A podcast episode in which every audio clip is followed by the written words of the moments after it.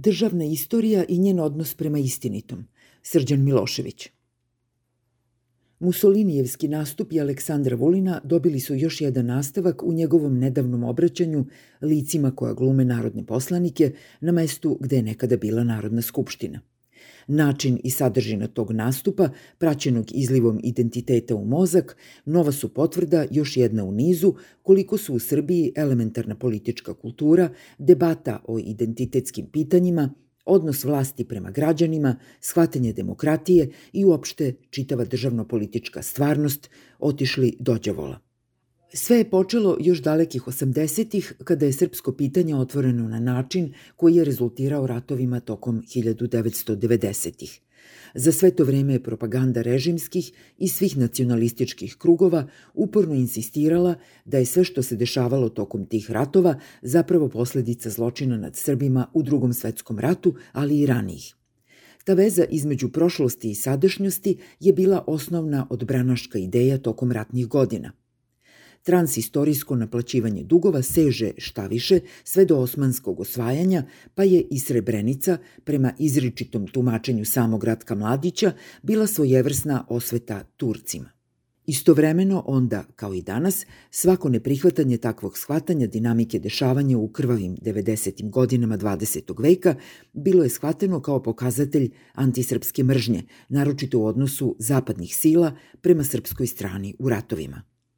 Svi elementi tog razumevanja istorije i načina na koji ona radi na ovom prostoru prisutni su i u Vulinovom razumevanju događaja nedavne prošlosti, za čije tumačenje on neformalno zadužen. Naime, prizivajući u sećanje pokušaj Velike Britanije da u Savetu bezbednosti Ujedinjenih nacija bude usvojen njen predlog rezolucije o Srebrenici, Vulin je doslovce rekao 2015. godine srpski narod, koga ima manje na planeti Zemlji nego što ima pobijene dece u svetskim ratovima, trebao je da bude proglašen za genocidni narod, jedini na svetu. Da predsednik Aleksandar Vučić i predsednik Vladimir Putin nisu to sprečili, vi i ja bi, dame i gospodo narodni poslanici, čitali u učbenicima našoj deci da su im dedovi bili pripadnici genocidnog naroda i da oni treba nečega da se stide. Narod Jasenovca je trebao da bude genocidan narod. Poslednja rečenica ovog Vulinovog nastupa je naročito indikativna. Ideja da pripadnici nekog naroda, Vulin kaže samo narod, ne mogu da budu učinioci nekog današnjeg zločina zbog toga što su njihovi preci bili žrtve zločina juče, banalna je i empirijski lako oboriva besmislica. Ideja da je bilo ko bilo kada u nekom zvaničnom aktu napisao, naveo ili insinuirao da su Srbi genocidni narod je notorna neistina, pri čemu se u pomenutoj rezoluciji Srbi ni ne pominju. Pojedinaca sa takvim shvatanjima o ovom ili onom narodu zasigurno ima, ali to je drugi par rukava. Do duše, ideja o genocidnosti čitavih naroda je čini se bliska samom Vulinu, koji je za takvu pretpostavku dao povoda svojom elaboracijom o Hrvatima. Hrvatska država nikada, hrvatski narod nikada nije raščistila sa ustaštvom. Ako raščišćavanje sa zločinima koje su činili pripadnici sobstvenog naroda podrazumeva da se podrška učiniocima zločina i politici koji ih je omogućila sasvim iskoreni, onda nikada niti jedan narod nije raščistio sa zločinima. U savremenoj Hrvatskoj ustaštvo naravno nije opredeljenje većine hrvatskog naroda, ani hrvatske države. Inače, kako je sam osetio potrebu da formuliše, druge domovine novo izabranog patrijarha Srpske pravoslavne crkve da samo usput pomenem. Osim toga, teza o genocidnosti naroda je beskrajno opaka, glupa i voluntaristička, zašto bi samo odgovornost za genocid imala sposobnost transmisije sa njegovih učinilaca na čitav narod kojem oni pripadaju. Drugim rečima, ako kvalifikacija zločina u Srebrenici kao genocida, što Vulin ne priznaje, odnekud pretvara njegov narod u genocidni, Kako to da činjenica da je, ma kako ga kvalifikovali, ipak reč o zločinu, što priznaje i Vulin, ne pretvara taj isti narod u zločinački? Zaista, do kada će nas zamajavati ovakvim idiotarijama? Ništa manje nije bila iščešena ni Vulinova elaboracija o učbenicima istorije. Učbenik istorije mora da napiše država Srbija i samo država Srbija sme i može, ili bi bar trebalo da ima jasan i određen učbenik po kome će učiti naša deca – U tom učbeniku će biti bar stranica o Jasenovcu. Neće biti tri rečenice u kome nam strani izdavači objašnjavaju šta je Kosovo, šta je Srebrenica. Nemojte da nam drugi pišu istoriju.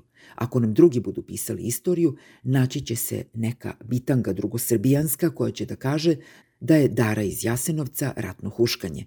Ratno huškanje je klanje srpske dece. Nisu krivi oni koji su ih klali, nego su krivi oni koji su se usudili da se toga sete.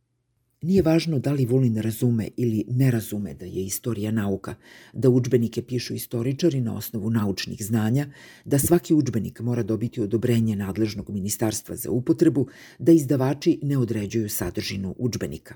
Važno je samo da se u etar bace varnice koje u nacionalno galvanizovanom okruženju izazivaju željene eksplozije.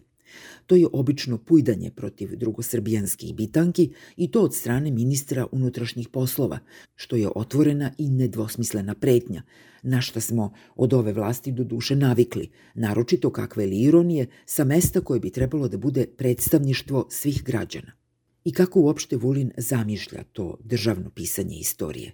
Ređaće se konkursi dok neko ne pogodi Vulinovu žicu. Sam Vulin će sa Vučićem u koautorstvu napisati stranicu o Jasenovcu. Čemu uopšte nauka, čemu višegodišnji napori da se, na primjer, utvrdi tačan broj žrtava Jasenovca, čemu brojne studije u kulturi sećanja, didaktici, kada Vulin sve to već zna i samo čeka državnog istoričara da formuliše državnu istinu. Negde pri kraju ove bujice reči, Vulin se osvrnuo i na film Dara iz Jasenovca – Aleksandar Vučić je prvi srpski predsjednik koji je imao hrabrosti da kaže hoću da snimim film o Jasenovcu. Ispričajmo tu priču. I vi i ja smo mislili da je to priča koju pričamo za strance, da upoznamo veliki svet koliko smo stradali. Ne, dame i gospodo, ovo je bila priča za srpski narod, jer smo mi zaboravili šta se desilo u Jasenovcu. Ideja da je Jasenovac zaboravljen je besramna. Na kraju krajeva to je redko bezočno pokazivanje prezira prema samom narodu, pretvaranje ljudi u beslovesnu masu koja čeka da joj Vučić i Vulin jednim filmom objasne šta je Jasenovac. Indikativno je međutim da je ovo bizarno Vučićevo autorstvo bilo držano u svojevrsnoj tajnosti, sve dok je postojala nada da će film ući u trku za Oskara – Kada se to nije dogodilo, istog trenutka smo saznali ono što smo od početka i znali, da je pomenuti film Vučićevo čedo. Ipak, ne treba očekivati da će istovremeno prestati histerično optuživanje da je svaka kritika involviranosti države u sve što se filma tiče zapravo, a šta drugo, negiranje zločina u Jasenovcu. Kao i sa carevim novim modelom, naravno, samo pokvareni autošovinisti ne vide tu neraskidivu vezu između kritike upućene filmu ili okolnosti pod kojima on nastaje i negiranja zločina. I to je nivo rasprave. Tako je nedavno bilo i sa još jednim nacionalnim poduhvatom, izgradnjom pseudonemanjenog pamjatnika, kojim povodom je svaka kritika te megalomanske gnusobe interpretirana kao udar na istorijsku uspomenu novog vladara i monaha. Tako je bilo i sa mnogim temama pre toga, a tako će biti i sa mnogim koje će uslediti. Kod tema koje se tiču identiteta, drugog kriterijuma u Srbiji sem nacionalnog nema – a iako se slučajno i dopušta da je i što god drugo vredno pomena, to može biti samo akcesorno, onako dopunski i može se izreći samo ako se prethodno izvrši legitimacija u nacionalnom pravoverju. Toliko mučno, toliko bezidejno, toliko dosadno.